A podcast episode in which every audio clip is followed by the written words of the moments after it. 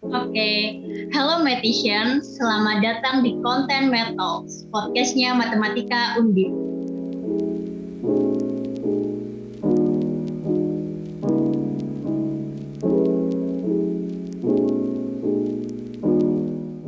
Kali ini, Metalks bakalan ngebahas tentang kampus merdeka nih. Tapi sebelum bahasanya kita mulai, uh, kenalan dulu nggak sih Kenalin teman-teman, aku Devina sebagai moderator dari Matematika 2020 yang bakal nemenin teman-teman nih buat podcast kali ini. Kampus Merdeka merupakan bagian dari kebijakan Merdeka Belajar oleh Kementerian Pendidikan, Kebudayaan, Riset, dan Teknologi Republik Indonesia yang memberikan kesempatan bagi mahasiswa untuk mengasah kemampuan sesuai bakat dan minat dengan terjun langsung ke dunia kerja. Nah, uh, program dari kampus Merdeka itu ada banyak banget nih, dan kebetulan juga di sini udah ada beberapa narasumber dari program kampus Merdeka. Mungkin bisa sambil perkenalan ya. Uh, yang pertama ada dari program ISMA, silahkan perkenalan. Uh, halo Matishan, Eh, sebelumnya perkenalkan nama aku Elizabeth Gelu dari Matematika Angkatan 2019. Di sini aku uh, mengikuti program Kampus Merdeka sebagai awardee di Indonesian International Student Mobility Awards atau ISMA di University of Pisa di Italia. Salam kenal semuanya. Salam kenal Mbak Lisa. Yang kedua ada studi independen, silahkan. Halo semua, perkenalkan nama aku Andre Donatan dari Matematika Angkatan 2019. Nah, di sini aku diterima sebagai peserta studi independen bersertifikat program kampus Merdeka. Lalu ada kampus mengajar, silahkan perkenalan. Halo semuanya, perkenalkan aku Aurora Arfani Gularso dari Matematika Angkatan 2019. Eh, di sini aku sedang mengikuti program dari kampus Merdeka yaitu Kampus Mengajar Angkatan 2. Selamat kenal semuanya. Kemudian ada KMMI. Uh, halo semuanya, uh, perkenalkan aku Bibit Wali Aji uh, dari Matematika Angkatan 2020 sebagai peserta KMMI uh, Kampus Merdeka. Terus ada Kedai Reka. Halo Meditation, nama aku Rahma dari Matematika 2018. Di semester ini uh, aku menjadi peserta program magang Matching Fund Kedai Reka. Saya mengenal semua.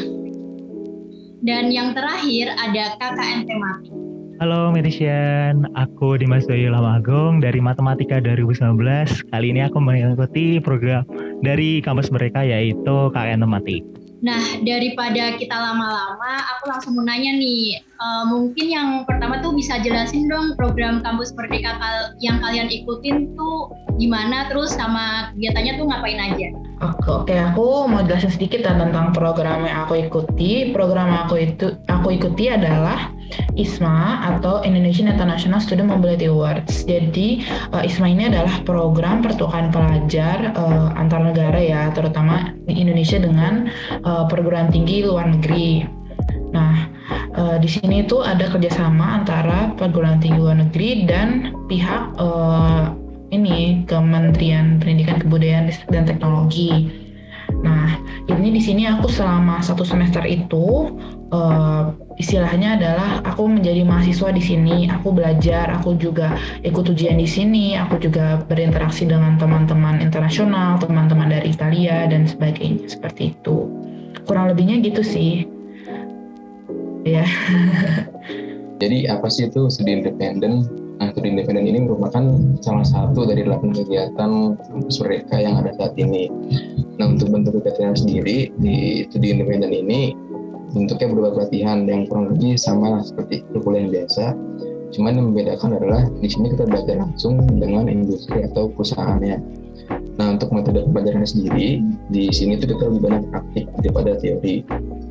Nah, untuk kelas-kelas yang tersedia di studi independen ini memang banyak yang mengarah ke dunia teknologi ya seperti ada full developer, data science dan lain sebagainya karena memang salah satu tujuan dari program ini itu untuk menyiapkan kompetensi SDM yang sesuai dengan kebutuhan industri di masa akan mendatang. selanjutnya ada kampus mengajar. Jadi kampus mengajar itu uh, program dari kampus Merdeka yang memberikan kita kesempatan uh, untuk membantu guru dan kepala sekolah pada jenjang sekolah dasar dan juga sekolah menengah atau SMP uh, dalam melaksanakan kegiatan pembelajaran di masa pandemi ini. Nah, program kampus mengajar ini uh, itu sama aja kayak membaktikan ilmu yang sudah kami peroleh, terus keterampilan, terus juga inspirasi untuk peserta didik dan juga sekolah. Jadi uh, kampus mengajar ini kita laksanakan dalam satu semester. Nah di satu semester ini kita uh, seperti memajukan uh, sekolah. Selain sekolah itu ada guru, kepala sekolah dan juga siswa. KMMI atau uh, singkatan dari Kredensial Mikro Mahasiswa Indonesia uh, di mana KMMI adalah sebuah kursus singkat yang disediakan oleh perguruan tinggi yang bekerja sama dengan industri. KMMI ini uh, diselenggarakan untuk menjembatani kesenjangan antara dunia pendidikan atau perguruan tinggi dengan dunia industri, di mana kursus ini dilakukan selama kurang lebih tiga bulan program magang matching fund ke DRK tuh mungkin kalau yang pertama kali denger tuh bakal ngira kalau nama programnya itu matching fund ke DRK padahal nggak apa namanya kok nggak bisa dibilang bener juga. Jadi kalau boleh aku jabarin satu-satu matching fund itu dia adalah program pengendanaan dari Dirjen Dikti yang melibatkan insan dikti yaitu dosen dan mahasiswa dan mitra. Nah mitranya itu siapa? Mereka yang berkecimpung di dunia usaha atau dunia industri biasanya disingkat Budi.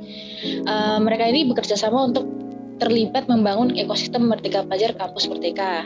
Nah, sementara KDRK ini adalah platform yang mempertemukan mereka seperti itu.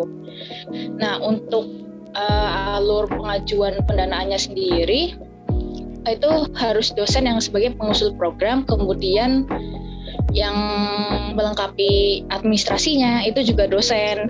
Nah, kemudian setelah proposal dan dokumen lengkap kan diajukan kemudian melalui berbagai tahapan seleksi dan verifikasi. Terus kemudian kalau ditanya, dinyatakan lolos maka program tersebut akan ditetapkan sebagai penerima pendanaan dengan diterbitkannya SK nah sesuai definisi programnya maka sudah jelas mahasiswa terutama di program sarjana harus dilibatkan dalam program yang mendapat pendanaan tersebut. Entah dalam bentuk KKN tematik magang atau lainnya Nah, makanya mungkin teman-teman pernah ada yang terima broadcast program magang ke DRK atau program KKN tematik ke DRK. Nah, itu seperti itu. Tapi ada special case di mana ini terjadi di semester kemarin ketika saya ikut program studi independen Bangkit Akademi 2021 itu sama-sama mendapat apa proyek akhirnya sama-sama mendapatkan pendanaan di Kedereka cuma idenya terus administrasinya itu diurus sama mahasiswanya sendiri. Tapi dosen ini berperan sebagai uh, pelengkap birokrasinya seperti itu dan juga beliau-beliau ini berperan sebagai PIC atau pengusul programnya. Nah, untuk program yang aku ikuti yaitu dalam tema Modern Smart Productive Aquaculture System KJABB IMTA, yaitu program yang dirancang oleh FSM dan FPI Undip bekerjasama dengan UNPAD. Kemudian mitranya yaitu kelompok pembudidaya ikan Lodi Karimun Jawa Jepara. Itu. Lalu untuk KKN tematik sendiri itu adalah kegiatan di mana mahasiswa itu terjun secara langsung untuk berkolaborasi bersama dengan masyarakat untuk mengidentifikasi potensi dan juga menangani masalah. Uh, itu ditunjukkan agar mahasiswa itu mengembangkan potensi desa dan juga meramu solusi untuk masalah yang ada di desa. Nah, untuk KKN tematik yang aku ikutin itu untuk bekerja sama dengan EXO Village. EXO Village itu adalah platform untuk mendorong transformasi digital di wilayah pedesaan melalui digitalisasi potensi dari desa intinya kegiatan KKN yang aku ikutin itu uh, ngebantu desa buat nge-branding potensi-potensinya melalui sektor UMKM, budaya, pariwisata, dan juga ekonomi kreatif. Di situ juga desa bisa uh, menjual produk-produknya kayak gitu. Lalu untuk kegiatan yang aku ikutin itu uh, lebih uh, keliling-keliling desa berkedok observasi uh, lalu juga mencari kader nah di dari kader itu sendiri uh, dari kami tim KKN itu lebih uh, memberi pencerdasan ke mereka tentang menggunakan platformnya dan nanti setelah KKN itu selesai uh, dari masing-masing desa itu masih bisa mengembangkan potensi dan juga nge-branding dari potensi desanya seperti itu. Selanjutnya aku mau tanya nih, benefit ikut program yang Mas Mbak ikutin tuh apa aja sih? Uh, Oke, okay. kalau ISMA sendiri, uh, menurutku benefitnya banyak ya, karena satunya uh, kita mendapat uh, pembiayaan dari LPDP untuk uh, benar-benar experience-nya itu berangkat ke negara tujuan. Seperti aku sekarang, aku sekarang ada di Itali dan di sini aku selama enam bulan itu benar-benar biaya hidupnya itu di cover oleh LPDP. Uh, layaknya kayak award di LPDP pada umumnya.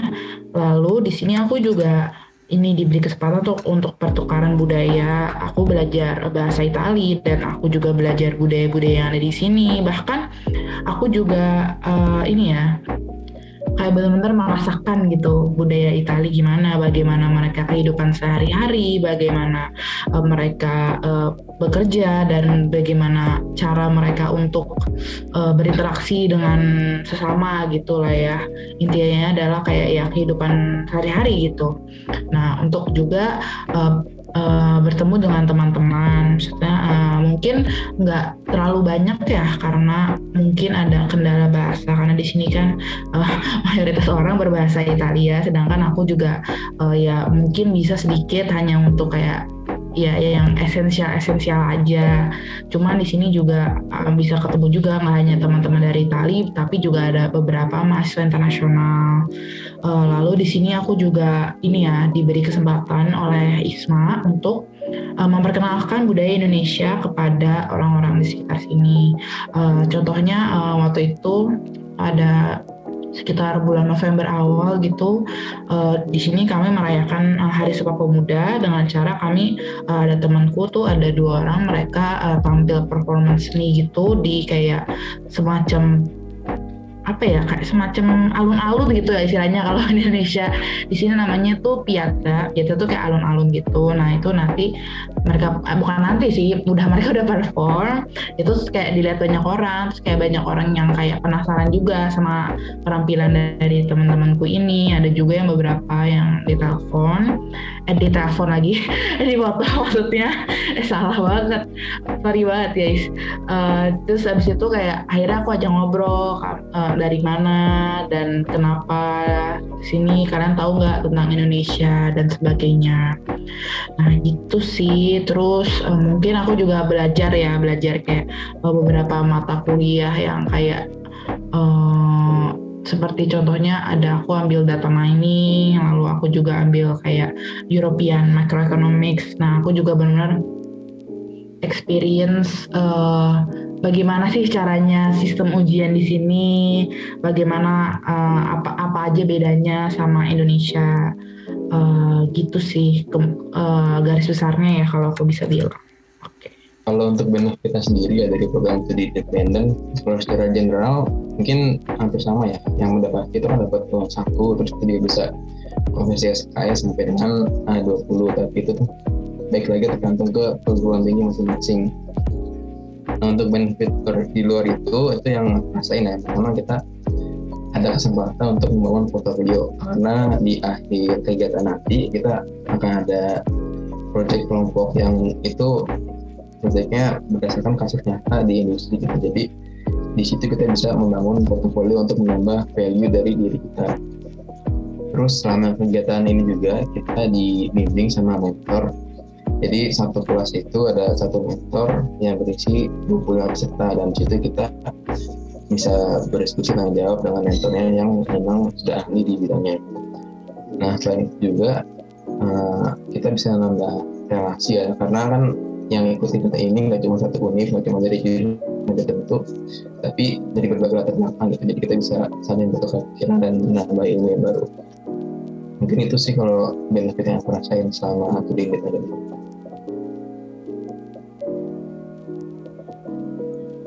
Kalau benefit dari kampus mengajar sendiri sebenarnya hampir sama juga. Sama-sama dikasih uh, uang saku sama bantuan UKT terus dapat SK apa konversi SKS 20 juga. Terus selain itu uh, dari kampus mengajar ini kita juga dapat langsung terjun uh, bersama peserta didik yang lain gitu. Di mana kan uh, dari aku ada proker seperti lomba-lomba bareng anak kecil terus ada proker sudut baca di mana kita dapat belajar baca terus menghitung barang-barang di situ. Kita juga langsung terlibat dalam uh, menjunjung akreditasi SD juga seperti membantu administrasi dalam SD tersebut, dalam sekolah tersebut. Terus kita juga uh, masuk ke dalam kelas mengajarkan numerasi dan juga literasi ke dalam peserta didik itu. Uh, untuk uh, benefit dari KMM sendiri uh, ada beberapa. Yang pertama tentunya ada uh, insentif uh, berupa uang sebesar 400 ribu untuk KMMI sendiri. Uh, lalu ada konversi SKS sebesar 3 SKS, uh, lalu ada ada sertifikasi juga uh, untuk yang aku ikuti karena aku ikut uh, KMMI dari Universitas Pajajaran bekerja sama dengan Microsoft Indonesia. Uh, sertifikasinya uh, dari Microsoft yaitu Microsoft Office Specialist seperti itu. Uh, terus uh, yang terakhir uh, ada pengetahuan dan ada dapat teman juga dari berbagai uh, daerah di Indonesia seperti itu untuk program magang matching fund ke DRK sendiri benefitnya itu ada konversi hingga 20 SKS kemudian kita bisa memperluas koneksi ya karena ada dua universitas dan banyak jurusan. Kemudian uh, kita dapat workshop online dan sampai sekarang ini udah empat kali workshop berjalan. Kemudian ada kegiatan offline dan hmm, apa semua kebutuhan untuk kegiatan offline itu dibiayai. Artinya kita perlu mengeluarkan uang lagi. Uh, tapi nggak ada uang sakunya sih kayak gitu berhubung juga KN tematiko itu uh, bekerja sama dengan Exo Village ya, yaitu uh, nge-branding potensi-potensi desa. Jadi kalau dari aku sendiri itu lebih banyak uh, jalan-jalannya sih sebenarnya, keliling-keliling desa, observasi. Uh, nah mungkin salah satu potensi desa itu yang ada di backgroundku ini uh, itu merupakan kolam renang yang ada di Berkas Kidul, uh, namanya Gria Yodesia meskipun jalan-jalannya itu masih kalah jauh lah ya sama program kerja program kampus Merdeka Isma. Tapi uh, kalau dari KKN tematik sendiri itu uh, kita lebih uh, kita lebih kenal ke masyarakatnya. Soalnya langsung uh, turun ke masyarakatnya lebih kenal juga ke masyarakatnya. Dan juga uh, masih sama sih juga ke program-program yang lainnya. Itu ada konversi SKS jadi bisa sekalian nabung SKS buat perkuliahan kayak gitu jelasin tentang programnya, terus benefitnya juga udah. Pasti kalau ikut program tuh ada suka dan dukanya dong. Boleh nih di-share suka duka ngikutin program yang kalian ikutin tuh apa aja? Oke, okay, mungkin aku mau ini ya, mau, mau sharing beberapa suka duka yang aku alami selama aku ikut program ISMA ini.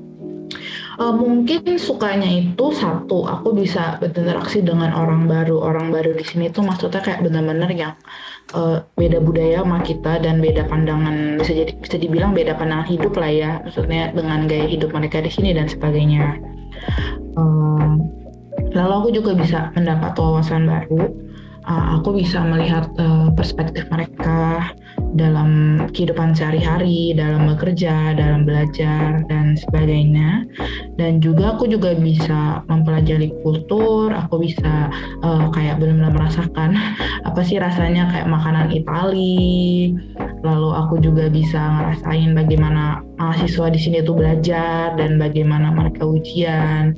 Nah, menurutku nih kalau di Italia sendiri tuh mereka ada istilah mungkin kalian pernah dengar work hard play hard jadi mereka kalau udah belajar itu benar-benar serius, benar-benar fokus dan nggak diganggu. Tapi ketika mereka udah maksudnya kayak relax dan bermain, mereka benar-benar kayak yang totalitas lah istilahnya gitu.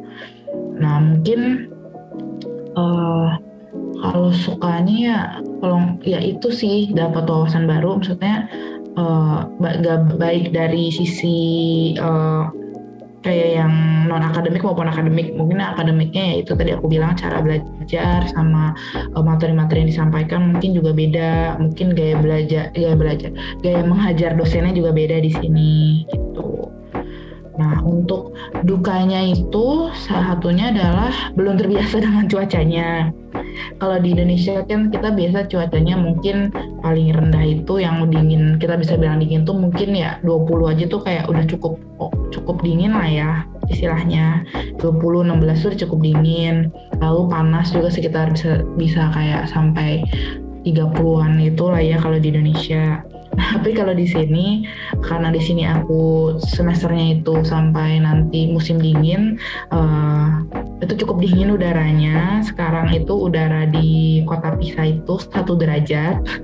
itu yang membuat cukup membuat ini sih cukup membuat agak mager keluar karena harus benar-benar harus dress up, harus pakai pakaian tebal, pakai baju hangat dan sebagainya gitu. Terus yang kedua itu mungkin kendala bahasa ya, karena Ita, orang Italia itu oh, mereka uh, kebanyakan pakai bahasa Italia, mereka jarang banget yang bisa berbahasa Inggris. Mungkin anak mudanya bisa bahasa Inggris, cuman nggak semuanya, bahkan lumayan jarang juga yang bisa bahasa Inggris. Jadi kadang kalau aku mau komunikasi itu ya harus diakal-akalin gitu. Nah, lalu yang ketiga itu mungkin butuh waktu ya untuk penyesuaian terhadap lingkungan baru. Seperti contohnya kayak uh, budaya belajarnya. Di sini tuh satu mata kuliah itu sehari seminggu itu bisa tiga kali pertemuan tiga kali satu setengah jam. Dan uh, dosennya itu benar-benar uh, fullin uh, waktu belajarnya. Dan kadang-kadang materinya itu benar-benar banyak banget dan benar-benar di efektivitas waktunya tuh benar-benar dimaksimalin banget. Lalu di sini sistem ujiannya juga beda. Uh, aku pernah ujian di sini, jadi kalau misalnya kalian nggak lulus uh, mid semester, kalian nggak boleh ikut ujian akhir semester gitu. Nah itu satu yang bikin masih kaget di kulturnya, kultur belajar dan kultur ujian di sini. Uh, lalu mungkin untuk makanannya juga jarang ada makanan Asia mungkin jadi lidahku juga kadang-kadang uh, kangen rumah gitu atau seperti gimana. Ya gitu sih mungkin. Cuman kan di sini kan aku ada sama ber sama sebelas orang lainnya jadi mungkin itu ya bisa membuat proses penyesuaiannya jadi lebih baik lah lebih nggak susah gitu. Nah lebih gitu sih. Sama kayak yang Mbak tadi kita dapat ilmu baru yang mungkin kita nggak pelajarin di jurusan kita. Kalau terus kalau yang aku ambil saat ini kan uh, tentang web development yang di matematika jadi nggak dipelajarin. Terus kedua kita bisa belajar sama teman-teman yang uh, memang berkuliah di jurusan itu. Kayak misalkan tadi web development aku bisa sharing dengan teman-teman dari informatika dari universitas lain. Terus untuk dukanya dukanya itu yang kurang saya sejauh ini ya ini nggak banyak sih cuman uh, materinya cukup padat terus untuk jadwalnya sendiri itu nggak tetap jadi berubah-ubah. Nah tapi untuk jadwal dan materi sendiri ini memang tergantung dari mitra yang kita ikuti. Jadi nggak semua mitra itu sama uh, untuk silabus dan jadwal kuliahnya itu beda-beda. Itu sih dari aku suka dukanya. Um, kampus pengajar sendiri suka dukanya itu juga banyak uh, sukanya dulu ya. Jadi sukanya itu kayak dapat kenalan baru soalnya kita juga dari luar kampus ya beda-beda. Nah terus uh, apa ya dapat merangkul uh, peserta didik dari kelas 1 sampai kelas 6 terus dapat belajar bareng dari kelas 1 sampai kelas 6 juga. Nah terus uh, dapat ilmu baru juga bagaimana sih ketika di sekolah itu berlangsung dari bapak ibu itu sendiri terus dari siswanya juga dari peserta didiknya juga. Nah terus untuk dukanya itu juga ada banyak. Jadi uh, ada beberapa ada salah satu poker yang mungkin dari sekolah kurang di ya, belum belum belum disetujui gitu. Terus ada juga dana yang tidak disetujui juga. Nah terus ada waktu kita masuk ke kelas kita uh, kayak belum bisa mengondisikan dari peserta didik itu, itu sendiri gitu Uh, untuk suka duka di program KMMI sendiri ada beberapa. Um, tentunya yang pertama adalah dapat ilmu baru yang tidak dipelajari di perkuliahan di Undip, uh, lalu dapat teman dari berbagai daerah di Indonesia, dari Sabang sampai Merauke. Uh, untuk dukanya sendiri sih uh, di pertengahan kegiatan KMMI di uh, kelas yang aku ambil uh, ada pergeseran jadwal sehingga ada tabrakan dengan kelas di Undip jadi memang agak merepotkan mungkin itu sih. Uh, kalau sukanya sendiri sih yang dari program yang aku ikuti itu uh, karena kita kan kegiatan offline di Karimun Jawa jadi kayak semacam kegiatan uh, magangnya ada kegiatan buat main-mainnya atau liburannya juga dapat gitu. Nah kemudian uh, dapat teman baru, dapat apa ilmu yang nggak kita pelajari di selama kuliah gitu. Uh, terus kalau dukanya sih uh, apa ya kayak mungkin kalau di departemen matematika kan bilangnya uh, apa namanya konversi penuh ya tapi uh, beberapa dosen tuh masih ada yang ngasih tugas kayak gitu sih. Uh, kalau KKN tematik sendiri kan lebih banyak observasi ya, jadi uh, lebih banyak jalan-jalannya juga. Jadi bisa sekalian healing-healing uh, di kala kesibukan yang ada di perkuliahan kayak gitu sih. Lalu juga uh, lebih kenal langsung ke masyarakat berhasilnya soalnya kemarin juga sempat diajak uh, ibu-ibu PKK di sana buat ngeramaiin uh, apa kegiatan mereka kayak gitu. Jadi uh, kita di sana kayak kumpul-kumpul bareng kayak gitu sih. Jadi lebih uh, kena ke masyarakatnya kayak gitu. Terus uh, mungkin kalau dukanya itu lebih itu uh, kan KKN biasanya kan di uh, akhir liburan eh di liburan semester ya uh, tapi buat KKN tematik itu uh, di di waktu kuliah eh di waktu semester aktif jadi uh, lebih sibuk ya uh, tapi uh, dapat senangnya juga iya buat jalan-jalan uh, sekalian kayak gitu. Terus cara daftarnya tuh gimana sih? Uh, kalau untuk cara daftarnya uh, sebenarnya gampang banget sih. Uh, tinggal search aja buat webnya Kampus Merdeka itu kampusmerdeka.kemendikbud.go.id nanti di home-nya uh, homepage-nya nanti tinggal pilih uh, menu program dan dari menu program itu bakalan keluar uh, program-program dari kampus mereka nanti teman-teman Metician tinggal pilih aja programnya yang pengen diikutin kayak gitu. Uh, nah, Metician udah tahu nih cara daftarnya gimana. Terus uh, syarat buat ikut kegiatan yang kalian ikutin tuh apa aja sih? Mungkin bisa dijelasin. ISMA sendiri uh, syarat yang paling penting menurutku itu adalah English Proficiency Test atau kayak tes kemampuan bahasa Inggris itu harus yang uh, official dari uh, pihak internasional yang diakui secara internasional seperti TOEFL atau IELTS. Untuk TOEFL minimal 550, IELTS itu minimal 6,5. Uh, lalu harus juga uh, mahasiswa aktif semester 5 sampai 7 saat program programnya berlangsung. Uh, lalu uh, ke, uh, kalian juga harus membuat uh, esai dalam bahasa Inggris dengan pertanyaan-pertanyaan yang nanti akan di, di diberikan. Lalu uh, juga ada surat pengantar dari International Office uh, universitas asal. Nah, itu di surat asal itu ada nanti uh, mata kuliah mata kuliah yang nanti akan dikonversi. Nah, itu untuk maksudnya untuk konversi itu sebelumnya harus diskusi juga dengan uh, pihak departemen masing-masing. Uh, kurang lebihnya seperti itu sih. Oh, oh sama satu lagi lupa ada uh, ini apa namanya transkrip nilai juga dalam bahasa Inggris juga lalu ada surat pernyataan juga itu um, masalah administrasi yang lain. Nanti mungkin syarat tahun depan bisa beda ya karena kan aku angkatan pertama. Mungkin ada revisi dan sebagainya. Jadi untuk kegiatan studi independen sendiri untuk persyaratannya itu yang pertama uh, merupakan mahasiswa aktif semester 5 ya minimal semester 5 saat kegiatan berlangsung terus untuk syarat dokumen yang dibutuhkan itu yang pertama ada kurikulum vitae atau CV terus ada juga transkrip nilai. Terus nanti ada uh, surat rekomendasi dari uh, universitas. Kurang lebih kayak gitu sih untuk persyaratannya nggak terlalu banyak ya.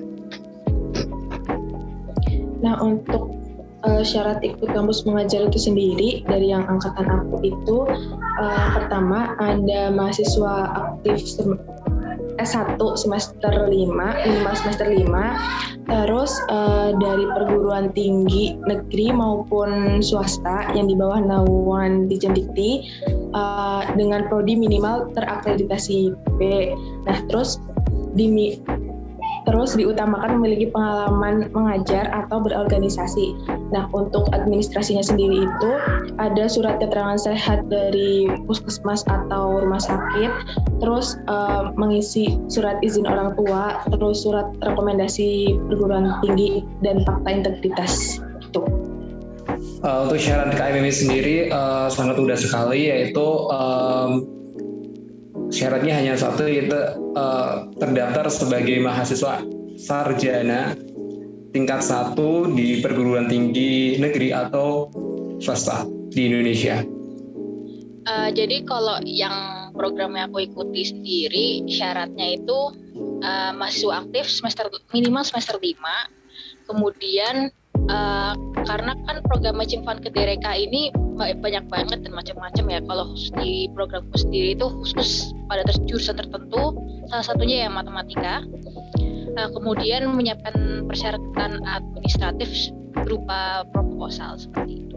Uh, kalau untuk KKN tematik sendiri nanti itu uh, lebih ke itu sih mengirim dokumen kayak KTM, CV, KAS, KRS, KTP, surat keterangan orang tua, sama surat domisili gitu.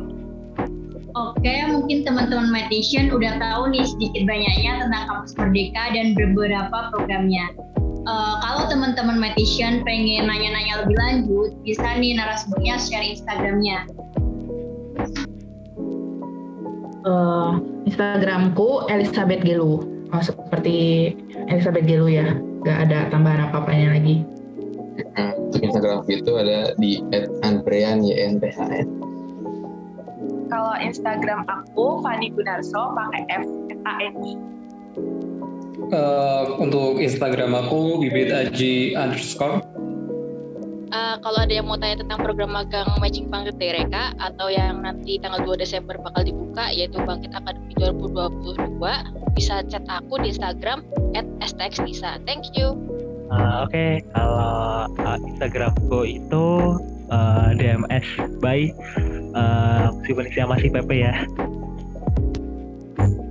Gitu aja nih buat bahasan kampus merdekanya dan sampai jumpa di konten Talk selanjutnya. Dadah.